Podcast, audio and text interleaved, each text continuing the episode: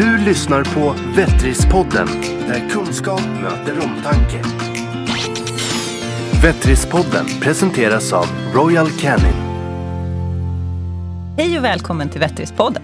Det här är en podcast där du får följa med oss bakom kulisserna i vårt dagliga arbete på våra Vettriskliniker. Jag som pratar heter Helene Löfberg och är ansvarig för Vettris i Sverige. I dagens avsnitt ska vi prata om foder. Och jag sitter här tillsammans med Johanna Persson från Vettris i Nyköping. Hej hej! Och så har vi också med oss Madeleine Ryd från Royal Canin. Hejsan! Hej, välkommen. I, tillbaka får man säga. Ja, du har suttit precis. här förr. Eh, du är ju nutritionsexpert på Royal Canin. Ja men det får man väl nästan säga. Ja. Jag, är ju, jag är lite fodernörd, det får jag erkänna. Ja. Ja, det är ju därför jag jobbar på Royal Canin också. Och vad gör du eh, mer exakt på Royal Canin? Vad är din roll? Ja men precis. Rent kortfattat så går mitt jobb ut på att göra livet bättre för våra katter och hundar. Det, det är liksom summa summarum. Och i och med att vi gör det så gör vi också livet bättre för våra djurägare och personer i djurens närhet. Så det är det det går ut på. Och jag är veterinärkonsulent och det innebär ju att jag jobbar tillsammans med veterinärkliniker i mitt distrikt. Eh, jag föreläser mycket, jag eh, hjälper veterinärer och annan klinikpersonal att eh, eh, hitta vilken är den bästa näringslösningen för, för djuren som kommer in på klinikerna.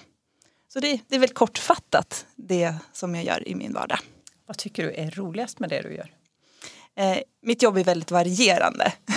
och eh, jag tycker det är superkul att känna att jag tillsammans med mina kollegor och våra kunder, vi kan göra en väldigt stor skillnad för våra djur. För vi kan påverka hur de mår väldigt mycket och det beror mycket på hur vi fodrar dem. Och eh, vi har ju både veterinärfoder som är för eh, alltså sjuka djur, men vi har också friskfoder för att förebygga att djuren blir sjuka. Så vi kan ju göra väldigt mycket med fodret. Vad skulle du säga skiljer dig från, det finns ju väldigt många foderexperter. Vad skiljer dig från de andra? Jo men det finns ju väldigt många självutnämnda kan man säga foderexperter ute i sociala medier och på forum och om man googlar och så här. Och man kan sitta och läsa hur mycket som helst och man blir ändå inte klokare. För det är så mycket tyckande. Skillnaden på, på mig till exempel då, det är att jag har utbildat mig i fem år på Sveriges lantbruksuniversitet i Uppsala.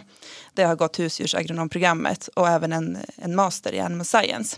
Och det som jag har gjort här på universitetet är att jag har inriktat mig på just foder och nutrition. Och jag har specialiserat mig på våra sport och sällskapsdjur. Eh, och eh, det här gör ju att jag blir väldigt liksom, insatt i vad som är ja, med forskningen och vad vi har liksom kommit fram till. Vad vet vi på riktigt? Liksom. Det är inte bara tyckande eller eh, ja, men, lite hittepå om man får säga så. Och det som är kul här också det är att Johanna, du har ju läst samma utbildning som jag. Vi har ju samma bakgrund. Ja. Bra grej. Men det är en bra utbildning, jag håller med. Jag, håller med. jag använder den jättemycket i, i jobbet också. Eh, precis som du säger med det här att man har en, en vetenskaplig bakgrund att luta sig mot. Det håller jag också ganska hårt för. Vi får ju ofta frågan på klinikerna vilken, vilket märke de ska välja till hundarna eller katterna. Ehm, och ofta så brukar jag, jag kör ofta den så att det är ju, det kan man ju inte säga. Det beror ju på vilken typ av hund eller katt man har. Och, men att man liksom vet att säljs det i en djurbutik så finns det ändå en viss liksom, okej-stämpel på det. Ehm, och att de här stora leverantörerna finns det ganska mycket stora forskningsanläggningar bakom brukar vi trycka lite på och prata om. att Där finns det ju en vetenskaplig grund och en tanke bakom. Sen ju blir jag också lite som dig, att jag blir lite nördig ibland och snöar in på så att jag vill prata aminosyror och, och då fattar ju jag att så här äh, Kalle 52 med sin border collie skiter totalt i det liksom. Ja. Så ibland får jag, ja, Ja. då får man ju så hejda sig och så brukar jag säga att man köper den som har en fin påse då kanske. Mm. Till den friska hunden. så det beror på om det finns en sjukdomsbild så har man ju ett annat så. Men, nej men det är bra att ha en, en vetenskaplig bakgrund att stå på. Det, det är inte alla veterinärer som har det på samma sätt när det gäller nutritionen. Nej, Så det är precis. ett bra, komplement. Och på kliniken är det ju fint att ni finns. För det är ju inte alla som jobbar på klinik som kanske har läst agronomlinjen heller. Utan då är det ju bra att ni finns som åker runt och föreläser. Och vi har ju sådana liksom, gruppföreläsningar med er och sådär. Att man får utbildning. Så att, mm, I like. Kul att höra. Ja. Vi har ju pratat lite om det eh, tidigare just. Va, varför, vad är det som gör att man väljer olika foder? Eller snarare varför är det viktigt med speciella foder? Ja men precis, alltså, i grund och botten så är det ju vad har djuret för behov? Det brukar jag alltid säga. Eh, vi måste utgå från individen när vi väljer ett foder. Men generellt så är det eh, några frågor som jag tycker att man ska ställa sig i sitt val. Eh, det är tre frågor. Den första är, är det här eh, nutritionellt korrekt? Och den andra är, är det här eh, ett säkert foder? Har vi en fodersäkerhet här? Och den tredje är just den här, är det här specifikt anpassat till min individ? Och det är de tre frågorna jag tycker man ska komma tillbaka till. De kanske inte alltid är jättelätta att besvara som, som djurägare. Nej, jag skulle just fråga det också. Ja, hur, man ska man veta? djur, hur ska man veta Ja. det? För lyssnar man, läser man på påsen, lyssnar på reklamer eller på säljare för den delen så finns det ju argument förstås för, för, för alla foder också. Så hur ska man egentligen veta i den djungeln som, som finns? Ja men precis. Och det är det som är så svårt. Man, man måste nästan fråga eh, ja, men foderleverantören eller tillverkarna Va, hur producerar ni ert foder? Kan ni lämna en, eh, en fullständig näringsanalys på vad fodret innehåller? Eh, har ni gjort smältbarhetstester? Och, alltså sådana här liksom kontrollfrågor. För att det, det går inte att veta bara genom att jämföra olika påsar med varandra. Och det, det står väldigt mycket eh, ja, men, liksom marknadsföringsgrejer och sånt här på dem. Eh, och det går inte heller att vända på påsen och bara läsa innehållsförteckningen för det, det säger liksom ingenting om vad är själva råvaran, hur smältbar är råvaran, hur ser näringssammansättningen ut totalt sett, vad är det hunden eller katten faktiskt får i sig för näringsämnen när den äter produkten. Eh, energiinnehållet är inte alltid angivet och det är ju en jätteviktig parameter för att veta att det är eh, lämpligt foder för djuret. Kommer, kommer att näringsinnehållet och energiinnehållet passa till djurets behov? Det går ju ganska mycket mode i olika foder. Mm. Jag, nu, ja. nu tänker jag mest på om man tittar de sista åren så är det ju väldigt mycket spannmålsfritt. Mm. Eh, hur, hur ska man veta där? För det känns ju som att det är, det är ganska vanligt att man hoppar på trender och, och förhoppningsvis så finns det ju eh, jag ska inte säga vad jag ger för foder eh, för att inte lägga någon eh, men, men eh, jag tror att många kanske hoppar på de här alla ger spannmålsfritt och därför så gör jag också det just nu. Men, men hur ska man veta alla, när det börjar gå sådana här trender? Hur ska man egentligen veta då om det är Om det är en trend eller inte. Om det är en trend Ja, eller ja, inte. precis. Ja, för Ja. det finns ju mycket forskning också som kanske, Ja, som precis. Kanske visar att ja, men det här är bra och därför så går vi mer åt det hållet nu. Ja, alltså jag tror väldigt vanligt att vi liksom lägger in våra egna matvanor på våra djur med ja, men det ska vara eh, ja, men spannmålsfritt eller glutenfritt eller ja, allt vad vi har för olika paleo och allting. Men eh, det som jag brukar alltid gå tillbaka till varför vill du ge ett spannmålsfritt foder? Var kommer den eh, tanken ifrån? Eh, Ja, generellt så tycker jag inte att man brukar kunna få svar på den frågan om man ställer Nej, den en djurägare. Ja, våra djurägare så, de har ju missuppfattat det. De tror ju att det är för att det är så mycket allergier bland hundarna. Så därför ger vi spannmålsfritt för att det är ju det de är allergiska mot. De har ju missuppfattat att det är proteiner man reagerar på i de flesta Precis. fallen då. Ja, det finns ju kan- absolut ja. spannmåls så. Men eh, att det är liksom det som är, Ja, tycker jag att jag märker på klinikerna. om Man frågar. Och även om man är allergisk, man kan vara allergisk mot ett spannmål men det är väldigt ovanligt. Ja. Men då är det ju ett specifikt protein Ja. i ett specifikt Ja. spannmål. Ja. Har man riktigt otur är det flera men, men man kan inte komma och säga att min, min hund eller min katt är allergisk mot råvarugruppen spannmål eller den kan inte äta för mycket protein. För att man, antingen så är man allergisk mot eh, ett visst protein eller inte. Och det, man, det som du kan inte säga till en jordnötsallergiker, men, men ta bara en liten jordnöt. Eller mm, bara en liksom. Det, det funkar inte så. Ja, Jag tror att det är den de lite blandar ihop med faktiskt. Upplever jag lite. Mm. Men sen har det ju blivit, alltså den här foderindustrin den är ju lite festlig för de inriktar ju sig, alltså många märken. För jag vet att jag skrev på något Facebook-inlägg, gjorde jag någon, taggade upp med e- ett foder då med någon hund som jag har att så här, nu plockar nytt käk och titta vad fint det blir och hej upp för kul. Så jag har lite amerikanska kompisar på Facebook och då var det en av mina amerikanska kompisar som skrev så här, ja ah, men Åh coolt, använder du också det? För jag har samma och jag har den här vegan diet på det fodret. Man bara, men skämtar du med mig eller? Då har man ju hittat en målgrupp då där det finns Ja. och då blir jag lite så här, det kan jag tycka är lite så mörk. Mm. Nej det är ju inte kul liksom för det. Nu är det i och för sig för hund som inte är riktigt lika mycket köttätare som katt. För finns det vegan diet för katt då vet jag inte. Nej Men, precis, för ja. katter, det, det är också en missuppfattning att eh, katter bara behöver äta animaliska råvaror. Men det, det som, en katt är ju en karnivor och det innebär ju att man behöver äta viss, eller man måste äta animaliska råvaror för att överleva och få de här essentiella, de här livsnödvändiga Mhm, näringsämnena. eh, näringsämnena. Men man behöver inte bara äta dem. Nej absolut inte. Nej. Men kanske inte en vegandiet. Nej precis, det, går primär? ju inte då. Man måste ha animaliska Ja, källor. ja. Men eh, det är väldigt missuppfattat det här med just som du säger spannmål. Just för att det är en väldigt bra eh, näringskälla till våra katter och hundar.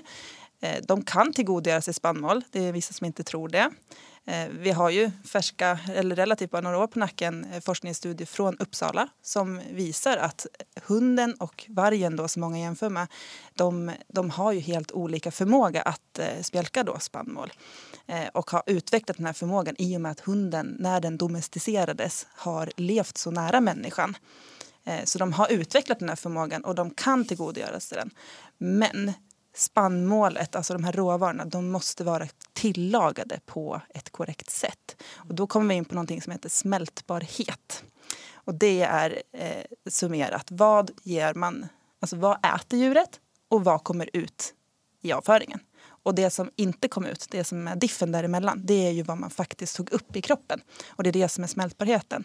Och den varierar väldigt mycket. Man kan ha samma råvara och tillaga den på olika sätt och få olika smältbarheter. Så smältbarheten är jätteviktig för att man faktiskt ska kunna tillgodogöra sig både animaliska råvaror men också då, eh, till exempel spannmål. Intressant. Jag funderar just på det här med hund och katt. Nu får du rätta mig om jag har fel. Men eh, nu, ska man ju, nu ska man ju ge anpassat foder till både hundar och katter förstås. Men, men rent hypotetiskt sett, visst är det väl så att du skulle kunna ge, ha en hund stående på kattfoder men inte tvärsom? Absolut, hundar kan överleva på kattmat. Det är inga, inga konstigt så, även om det inte är det bäst anpassade eh, fodret för, för hundar förstås. Men katter kan inte överleva långsiktigt på hundmat eftersom att eh, katter har andra eh, alltså essentiella behov, näring, livsnödvändiga behov. Vi måste tillsätta vissa näringsämnen i maten till katter som vi inte måste tillsätta till hundar. Så katter skulle få näringsbrister och olika följdproblem av det. Så det är inte lämpligt att fodra katter på hundmat. Det är dyrt också. Och det Ja, blir ja. dyrt. Ja. Det är dyrt. Tänk en Bernesennen ska leva på Ja. kissemissimaten. Oj, det inte funkat. Ja fast det skulle ju kunna, kattmaten är ofta dyrare.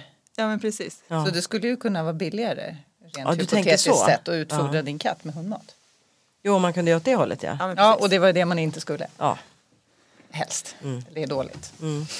ja, inte man vill att katten ska må så bra som den kan göra. Nej, precis. Nej.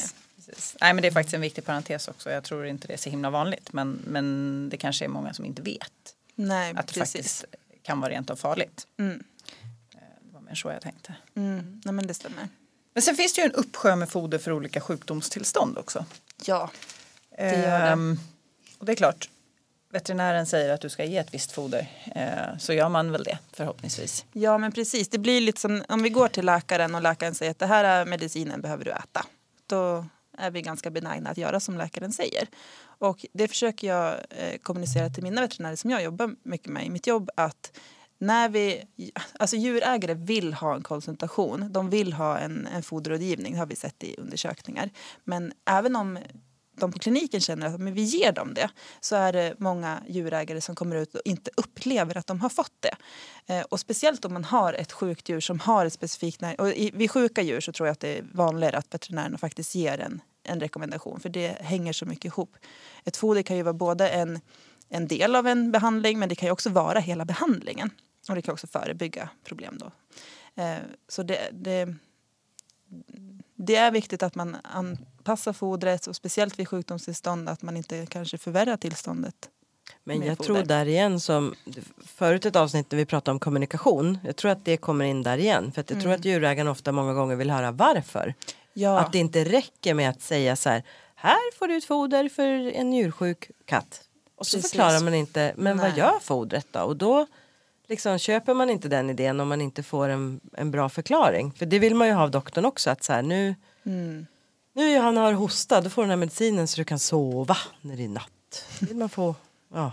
Ja men Lite så faktiskt, ja också. precis. För att fodren Ja. har ju en funktion och det, när man får ett eh, dietfoder rekommenderat eller ordinerat så är det viktigt att man håller sig strikt till det fodret. Man ska inte toppa med, om man vill blanda ut foder eller så, med någonting annat, i, något annat från eh, dagligvaruhandeln eller matrester eller någonting. För då kan man rubba den här balansen som är i fodret.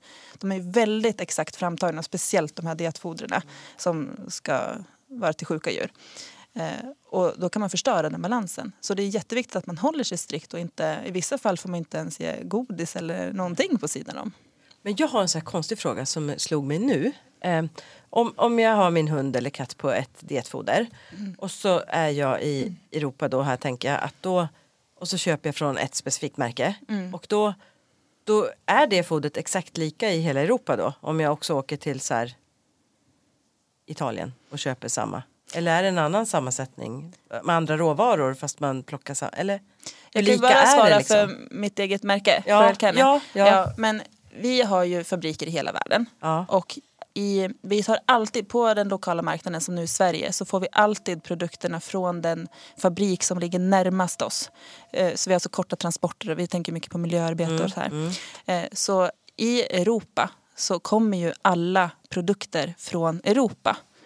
Eh, och det betyder att om du handlar i Italien som du sa eller i, i Sverige så kommer de, eh, båda dessa produkter komma från samma fabrik. Så då är det samma eh, recept och sammansättning. Men det finns bara en fabrik i Europa. Nej, det finns flera fabriker i Europa. Eh, och de, till exempel, vi har ju en väldigt speciell produkt som heter Analgenic. Ja, för- ja. för ja jag tänkte typ ja. främst på Den kommer är... bara från fabriken i Frankrike till exempel. Men vi har ju också, allt våtfoder kommer från Österrike och de flesta av de foderna som vi köper här, de kommer från Polen. Men om jag då åker till Nordamerika till exempel. Ja. Kan det kan det- Är det samma recept eller ett annat? Det, kan, det är så här, vi utgår alltid från vilka näringsämnen kommer katten eller hunden få i sig av det här fodret. Och i och med att vi kollar på näringsämnena så har vi brutit ner ingredienserna till liksom sina beståndsdelar så man ser liksom till näringssammansättningen. Och då kan det vara så att själva ingredienserna kan variera. För man får fortfarande ut samma nutritionella recept. Ja, det. Men det kan vara andra råvaror som ligger bakom. Och i och med att vi jobbar mycket med slaktbiprodukter till exempel. Vi, vi jobbar mycket med ja, men det är ju restprodukter från det som vi människor äter. För att det inte ska bli svinn och sådär. Eh, då varierar det lite i världen vad vi äter för typ av mat. Och eh, i vissa delar av världen så äter man saker som vi inte äter här till exempel. Men Men, vi kan ju gud, tänk. fortfarande... Anna Legenic i Japan liksom. Hade man ju velat åka dit på studieresa och prova. Ja? Ja, fast just analygenica är väldigt speciell. Så Ja, den- typiskt tråkigt. ja. Ja, ja. Gastrointestinal då. Ja. Mm. Nej, men det, det är väldigt intressant det där, just att se vad är det för näring i det här, vad, vad blir det när vi väl har liksom kokat ihop det här receptet Ja, och vad får djuret ut av det. Och att inte fokusera för mycket på vad står det i ingrediensförteckningen för det vet jag att det är väldigt vanligt att man gör. Vilket inte är så konstigt för det är det som man faktiskt kan förstå när man läser. Jag vet vad, vad kyckling är eller vad majs är men jag kanske inte förstår när det står hydrolyserat animaliskt protein. Vad 17 betyder det?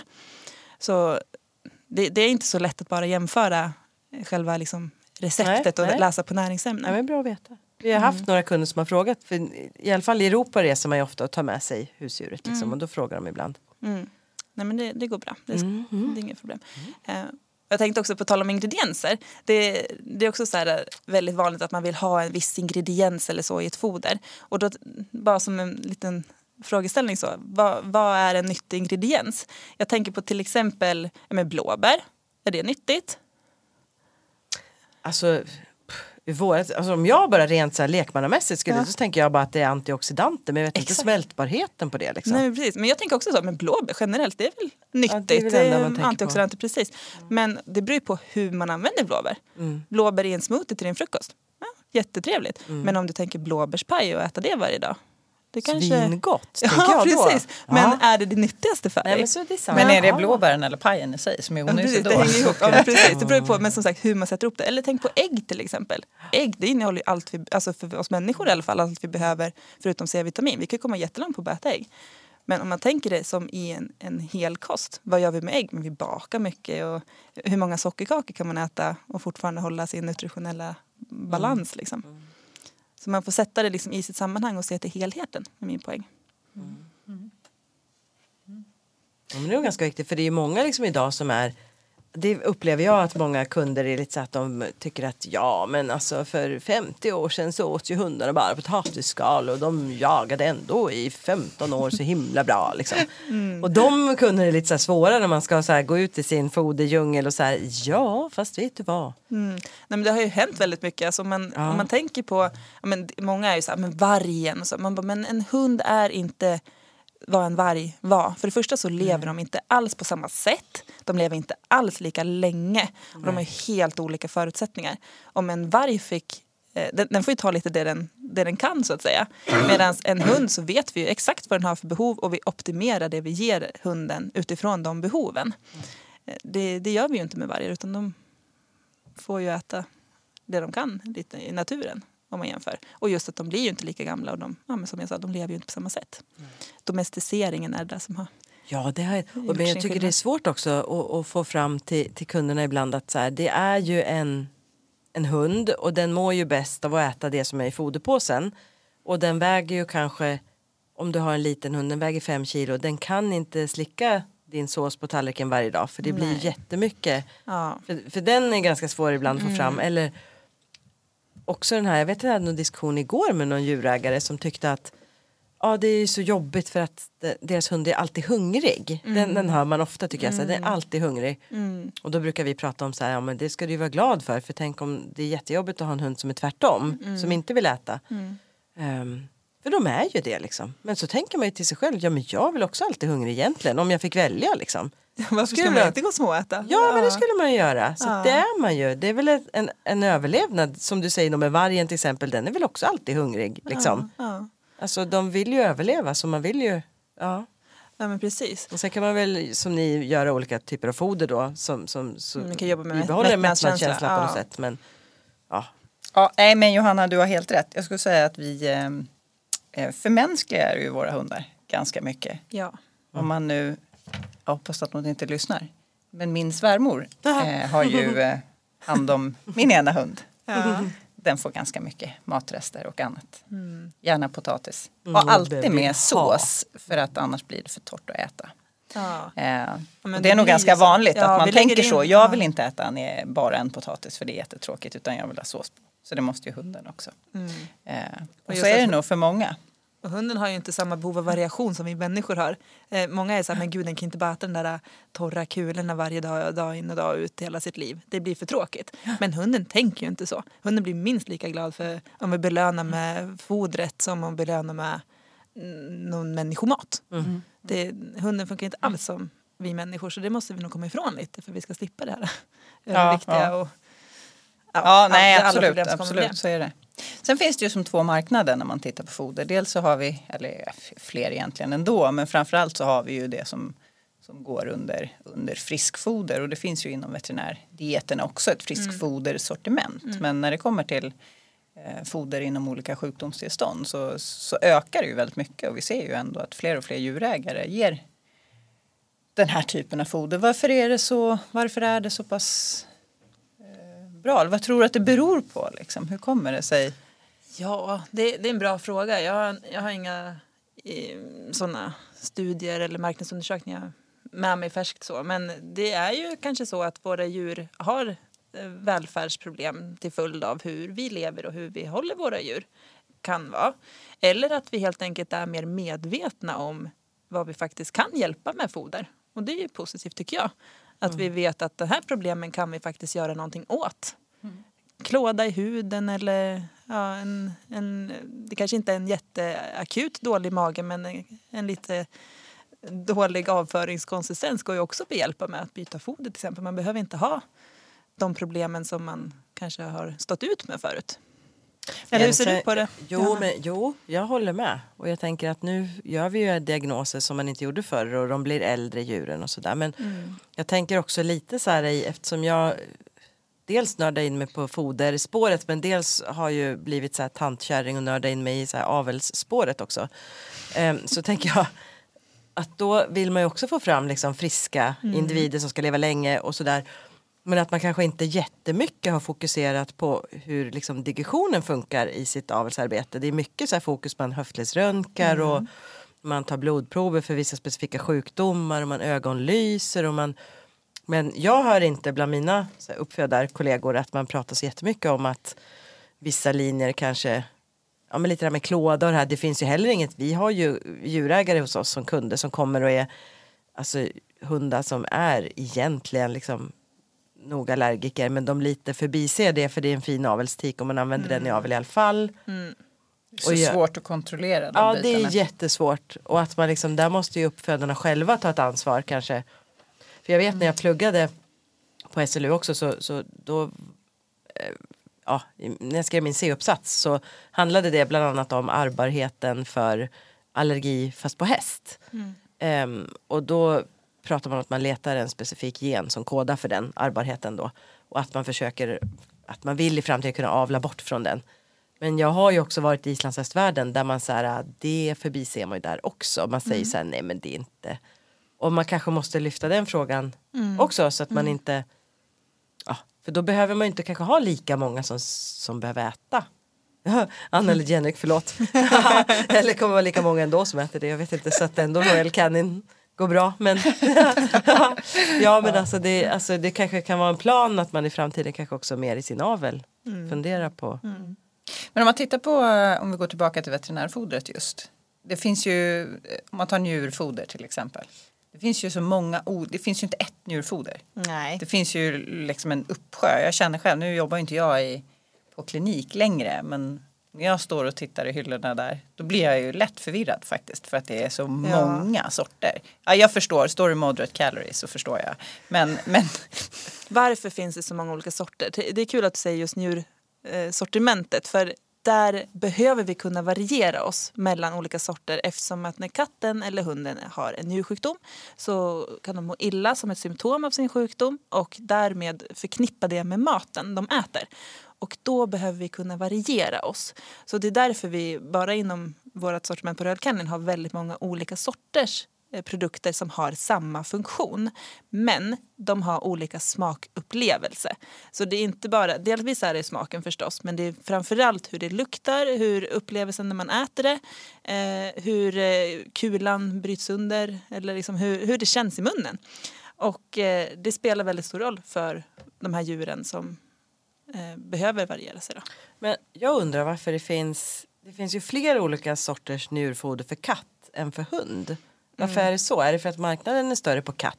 Eller är det, det är väldigt van... Dels är ja. katter väldigt kräsna ja. men dels är det ju väldigt, väldigt vanligt att katter som kommer upp i åldern får njursjukdom. Mm. Mm. Så det är en väldigt stor marknad, ja. Och sen en annan grej, det bara så spontant slog mig också. För det har vi fått djurägare som har funderat över. För några njursjuka hundar vi har som patienter. Ja.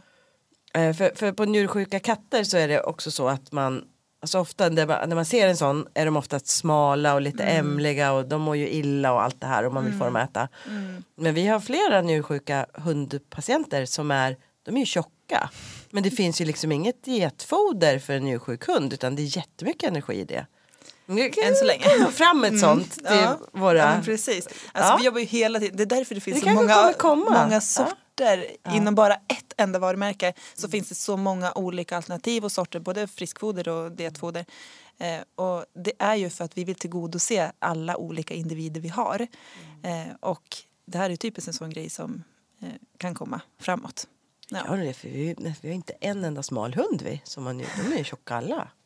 Det kanske är för deras hussar och mattar ger dem så här slick på tallriken och de får i sig för mycket salt och de sen... Ja, Ibland så är det ju så att man tycker att hunden är så dålig på att äta och så ger man den ja, matrester och sånt på sidan om. Ja. Och så blir det tvärtom att den Mm. Det var också lite inne på mm. tidigare avsnitt men att man äter annat än det man faktiskt ska mm. äta. Mm. Och så blir man rund istället. Då. Mm. En annan fråga, nu är det ju för sig inte särskilt ekonomiskt att ge ett eh, dietfoder till en hund som inte, eller katt som inte behöver det. Och det är Eftersom... ibland också direkt olämpligt. Och så är det vad det jag skulle komma måste till. flika in i det här också med ja. dietfoder. Att vi, så här, vi här säger mm. ju dietfoder, då menar ju vi specifika foder. För annars så tror dietfoder tror ju djurägare är bantarmat, alltid. Ah. Ja det är sant. Nej, men okej, men om ja. vi, precis. Det, det var faktiskt en, ett väldigt bra förtydligande. Helt klart. Nej jag tänker, jag tänker just eh, speciellt framtagna foder för olika sjukdomar sjukdomstillstånd. Precis, och de kallar vi för dietfoder. Ju, de kallar vi för dietfoder, precis. Och de ligger ju på en helt annan prisklass än ett, ett vanligt foder för en frisk individ. Mm. Eh, så att bortsett från att det är alldeles för dyrt så var det precis det jag skulle komma till. Det är ju, men det gäller ju inte alla fodersorter. Men vissa fodersorter, rätta mig om jag har fel, är ju faktiskt rent olämpligt att ge mm. till en individ som inte behöver det. Precis. Och varför? Precis. Finns det, finns det ett enkelt ja, svar nej, på det, frågan det beror varför? På. Så det, ja. det är väl inte kanske det enklaste svaret men eh, det finns något som heter kontraindikationer. Och det är alltså när det är direkt olämpligt att ge en produkt till eh, ett djur som är i ett specifikt tillstånd. Det är en av de vanliga till exempel dräktighet, digivning och tillväxt. Det står på väldigt många av våra eh, foder. Så om man då har en valp så kan man inte välja vilket som helst för att man har så specifika behov under tillväxten som man måste tillgodose. Och det är inte alltid ett sånt här dietfoder då tillgodoser de behoven. Och då måste vi eh, jobba runt det på andra sätt. Eh, så, så det är ibland så här direkt olämpligt av att, att, för att de uppfyller kontraindikationerna. Men sen kan du, jag får jätteofta frågan, min ena katt ska äta den här maten som min veterinär har sagt. Kan min andra katt också äta den? Mm. Jättevanlig fråga. Hundar är ju lättare och, och, för man ger dem i matskåp på ett annat sätt. Men, men då är ju svaret alltid uppfyller den här katten den andra katten kontraindikationerna så är det direkt olämpligt. Då ska man inte då ska den katten inte äta den maten. Men i, om man inte uppfyller kontraindikationerna så är det, det är inte farligt men det är kanske olämpligt av andra skäl. Som vissa produkter, vi var inne på njurfoder till exempel, de har ganska mycket energi. Och om man har en katt som inte uppfyller kontraindikationerna men den kanske är överviktig eller ja, den, det kan vara direkt olämpligt i alla fall för att det blir fel energi och man kan få följdproblem då eh, om man äter fel kost. Så jag brukar alltid säga att det är i samrådan med sin veterinär mm. om man ska fundera på sådana saker. Man ska inte bara gå in på en eh, klinik eller på nätet eller någonting och klicka hem på sig för att man tycker det utan det är i samrådan med sin veterinär eller med sin klinik. Ja, och alltid gällande ja. de här fodrarna ja. får man ju säga. Ja. Det är ju mm. ja. det är så att man ska tänka att jag tror nog kanske att min katt som börjar bli Nej, gammal och är lite smal förutom den har nog problem med njurarna. Förutom när det gäller att banta skulle jag säga. Nej, man liksom vet man att man har en tjock hund eller katt då kan man ju köpa ett dietfoder för bantning. Precis och bara dubbelkolla kontraindikationerna. Ja, ja, ja. Mm, ja. Precis. Mm. Nej men det, det stämmer. Um, men. Sen kan det kan ju vara lite svårt också om man har ett djur som faktiskt har flera problemområden. Ja, ja och det är ju vanligare att de faktiskt har flera problem. Mm. Eh, och det, är, alltså det jag tycker det är väldigt spännande med foder om det inte har framgått tidigare. Så det vi kan göra nu för tiden som vi inte har kunnat tidigare det är att vi har tagit fram vissa foder där man tar hänsyn till flera olika eh, indikationer samtidigt. Så flera olika problem på samma gång. Så väldigt ofta får man välja vilket av problemen är värst. Rent krast vad, vad är mest allvarligt och ta hänsyn till det. Men numera så finns det vissa foder för, alltså för vissa problem då, som är kombinationsfoder där man kan ta hänsyn till två problem samtidigt. Och det är ju väldigt speciellt. Mm. Ser, ni, ser ni en röd tråd i vilka problemområden som ofta går hand i hand? Eh, ja, alltså en sån exempel är väl ledproblem och eh, övervikt. Det finns ju ett kombinationsfoder för, mm. även om det också är mycket ledstöd i överviktsfodren. Eh, urinvägsproblem med övervikt är väl också en sån klassiker. Sen finns det ju allergier kombinerat med olika eh, typer av andra problem. Ja, för det ser man ju faktiskt ganska ofta. Mm. Ett djur den som behöver, svårast, liksom. Den är svårast, precis. Ett djur som mm. behöver något specialfoder för njurar, mm. lever eh, eller så och sen så har de allergier samtidigt. Ja, precis. Och nu finns det då i, i vissa kombinationer då där vi inte längre behöver välja utan där man kan få Just dela båda. Liksom, allergi, fast det kan man inte göra något åt. Allergi på katt är ju jävligt svår. På utekatt som ändå går ut och äter möss och råttor liksom. Det, alltså, mm. Men då, jag vet att vi brukar prata med våra djurägare om det. Att så här, ja fast det är ju det second best är ju att liksom hemma. Så det man äter hemma är i alla fall allergimaten då. då. Men man kan inte göra så mycket mer. Mm. Nej man vill ju inte ta bort den möjligheten för dem. Om de nej, är vana att gå nej, ute. Nej, nej. Mm. Precis. Och eh, just vad gäller allergier så vanligast är ju trots allt att de är allergiska mot någonting i sin omgivning. Och då kanske det är pollen eller ja, huskvalster eller någonting sånt. Och det är ganska ovanligt i förhållande att man är allergisk mot någonting i maten, det man faktiskt äter. Det, kan, det, det är inte alla som tänker på det, men man skyller ofta på maten. trots att det kanske ja, är tänker annat. när, Då tänker jag när de är utsatta redan på en hudutredning och den är klar och man har liksom Ja, kommit precis. fram till att Ja, det är klart. Nu ska du hålla dig strikt till det här. Mhm. Ja, men det är samma sak med överviktiga katter. Mm. Och så går de ut Jättesvårt. och de får välja själv hur mycket de Ja. jagar helt och äter. Så då är det ju jättesvårt. Det, det är klart. Och de är duktiga på det. Det är våran katt hemma. Han Mm. äter, äh, han jagar musar, möss heter det.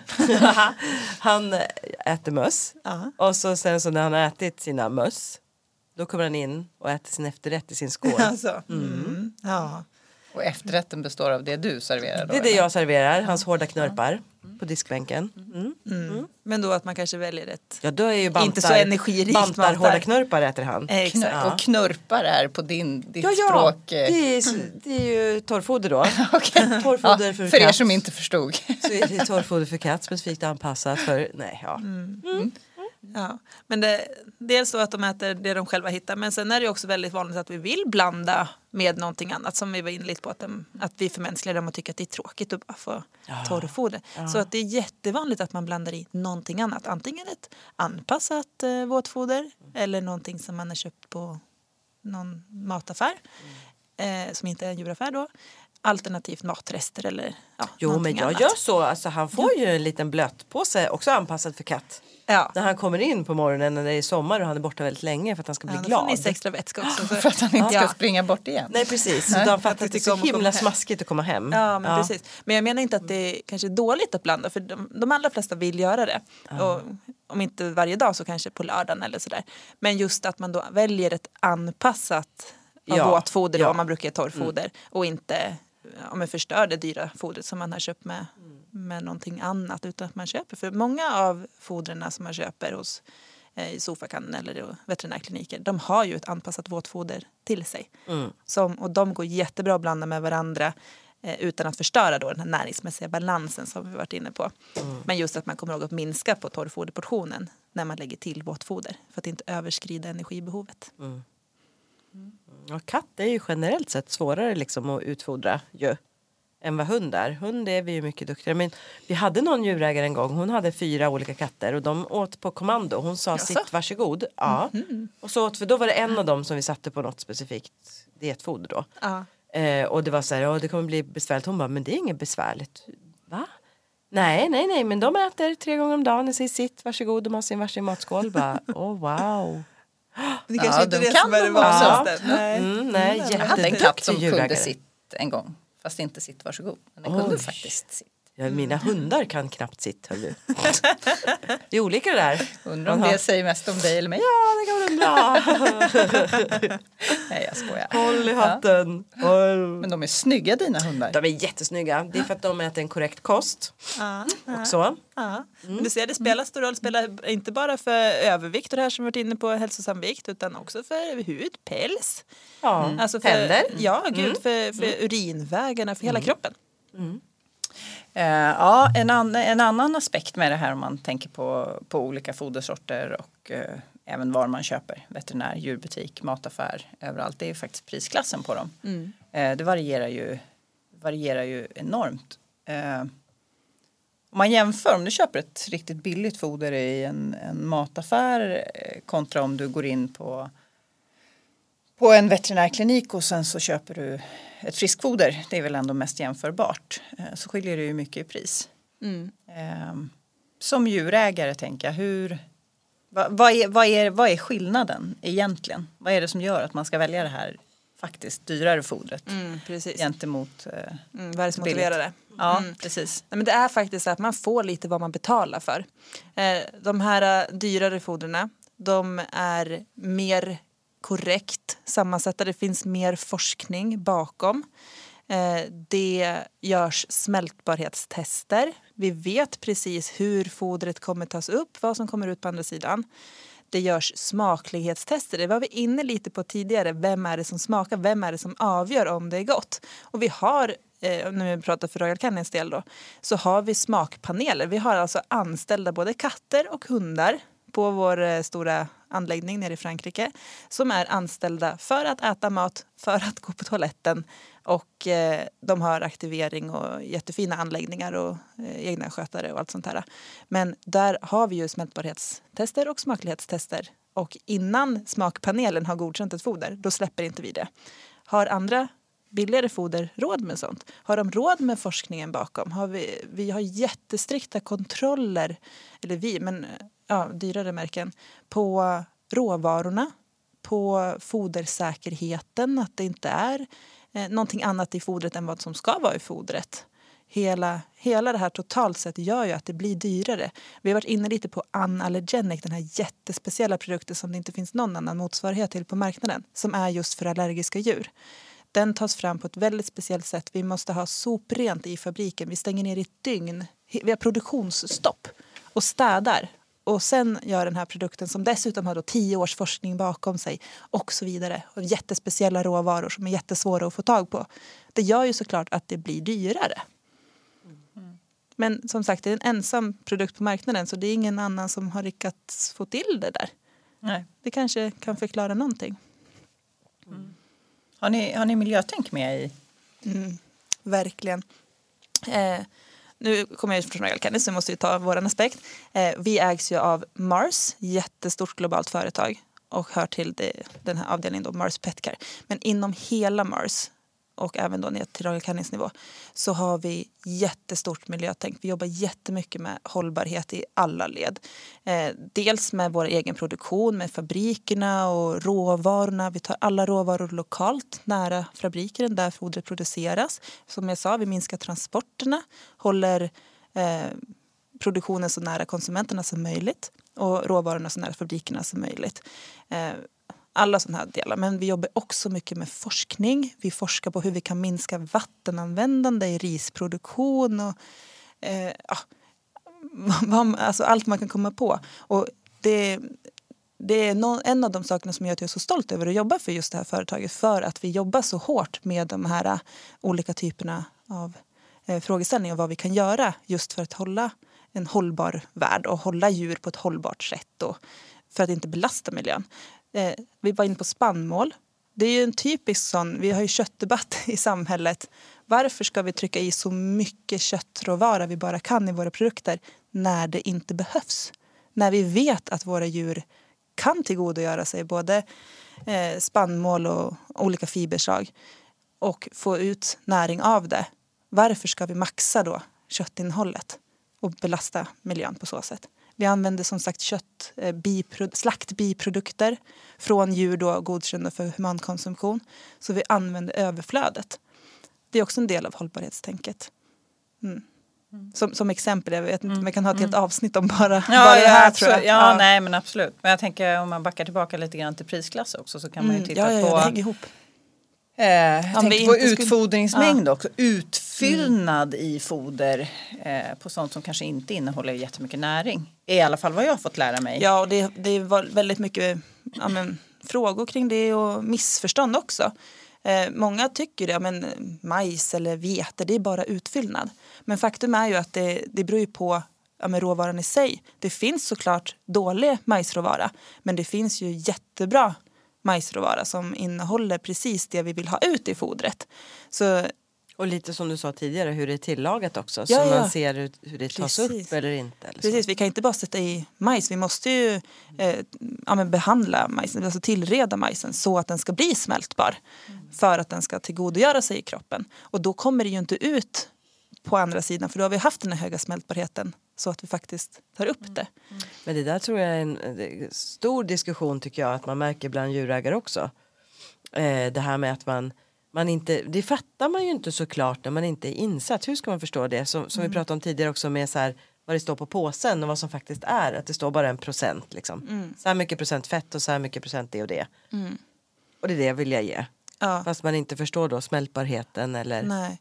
Energiinnehållet eller att det ja, men, men, det är väl lite vårt jobb som jobbar när man absolut, säljer fodren absolut. att lära ut. Tänker ja, och jag får jätteofta frågan bara, hur, hur hög är proteinhalten i det här fodret? Mm. Varför vill du veta det? Mm. Eh, eller hur högt en, är fettinnehållet? Jo, mm. men eh, om det är för energi så är det ju för att alltså både fett proteiner men också kolhydrater ger mm. ju energi, det ger näringsämnen, det ger vitaminer och mineraler. Alltså det bidrar ju till allting. Och allting i i alla fall våra produkter som de kan stå för, de innehåller ju precis det som vi eh, ja, vill att de ska innehålla. Det är bara mm. det som katten eller hunden kan tillgodogöra sig. Det är aldrig någonting som är i produkten bara som utfyllnad.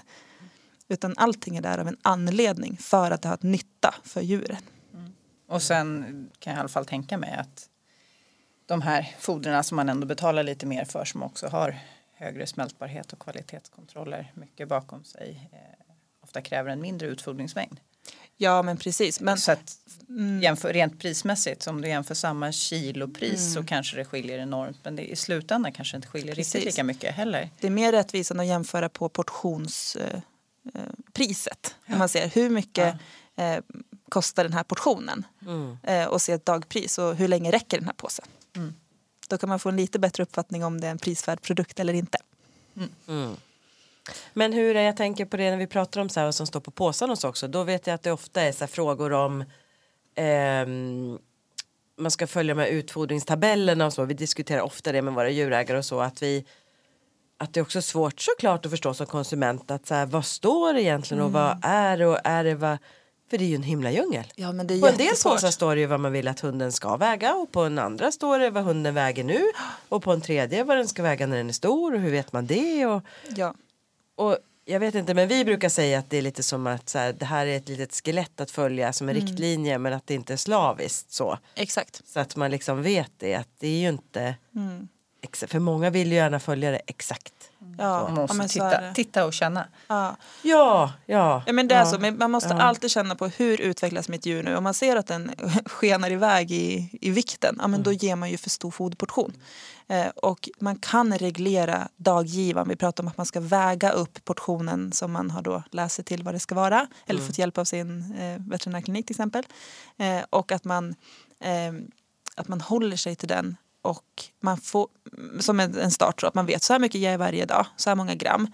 Men att om jag ser att den hunden går upp i vikt av det så kan man reglera ner portionsstorleken. Man börjar med 10 procent. Och mm. för våra produkter så kan man gå ner upp till 20 procent utan att riskera att få näringsbrister. Eller för all del öka portionsstorleken 20 procent om man känner att en hund till exempel eller katt ja, Det är 20 procent som är någon sorts magisk gräns Ja, för våra produkter är. i alla mm, fall. Mm. Både mm. på fackhandeln och på veterinärsidan. Så 20 procent upp eller ner. Men om man känner att ja, men jag har, min hund eller katt tunnar ur, den, den kan inte hålla vikten. Jag har ökat portionsstorleken 20 procent från vad det står på påsen. Och vi fodrar ju efter målvikten, vad vi vill mm. att den ska väga. Mm. Eh, då så får man byta till ett mer energitätt foder om det inte räcker att höja portionsstorleken 20 procent. Eller, om, tvärtom, eller om den blir så stor att den inte orkar äta upp det. Ja. Och om det är tvärtom, att man har reglerat ner portionsstorleken mm. 20 procent då och märker att till exempel kan det vara men min hund eller katten blir så himla hungrig när den får sån här liten portion. Ja, eller den är fortfarande lika tjock. Eller den är fortfarande lika tjock. Mm. Då är ju nyckeln då att man behöver gå ner på ett foder med lägre energiinnehåll. Om man är på det minsta då? Och om man redan är på det. Liksom. Ja precis, om man är på det liksom bantarfodret, ja. har minskat portionsstorleken och det ändå inte händer någonting. Det, det har vi också varit lite inne på i överviktsavsnittet men kolla med veterinär om det finns någonting annat som, som hänger ihop med övervikten, någon sjukdom kan det ju vara. Men annars så fundera på vanorna runt omkring. Hur mycket aktiva är vi tillsammans? Mm. Och hur mycket får vi på sidan om eller ger vi på sidan om. Mm. För det är mm. väldigt, väldigt vanligt att det är det som är orsaken. Mm. Ja, jo det märker man ju. Det vet man ju att så är det ju. Det är inte... Det är konstigt tycker jag ändå. Va? Ja, alltså hemma hos oss har vi en sån konstig idé om att vi har inga hundar i köket för det är så himla jobbigt när de tigger. Ja. Vi har aldrig haft hundar i köket så de fattar ju inte att det finns mat där. Nej precis. Nej. Har man aldrig gett mat till en hund i köket så vet ja. den ju inte att den ska tigga. Man vet ju bara att det kommer ur så en tunna i garderoben i hallen liksom. Ja. Så när man öppnar den dörren då kommer man liksom. Ja. Men det är ju så, de är ju inte dumma så. Nej. Nej, så fundera kring rutiner och ja, allting runt omkring. Mm. Men ger man ett, om man har då en överviktig, kommer tillbaka till det, så, och ger ett, ett riktigt bantningsfoder med det lägsta energiinnehållet och, och som kompensation då högre näringsinnehåll så har man gjort vad man kan på den biten. Då Men man, man kanske kollar på fel målvikt också kanske? Man ja men så kan det vara, att man kollar fel tabellen. Ja, ja, ja, precis. Så då skulle jag också rekommendera att man, man tar hjälp av sin klinik mm. och får hjälp att räkna ut det där så att man inte mm. gör fel fast man tror att man gör rätt. Mm. Och man kan ju behöva reglera det under resans gång också. Ja, det kan ju vara bra och, om man inte känner att man har stenkoll själv på att faktiskt gå på lite kontroller nu och då. Mm. Mm. Precis, och Just på klinikerna så hjälper de gärna till. Mm. För det är allas intresse att våra djur mår bra så mm. ta hjälp. Ja, så med de orden så tror jag att vi tackar för idag. Tack Madde för att du kom hit. Tack för att jag fick komma, det har varit jättekul att prata om det här med er. Och tack Johanna. Oui, tack. Favorämne. Yes. Ja. Hej då! Hej då!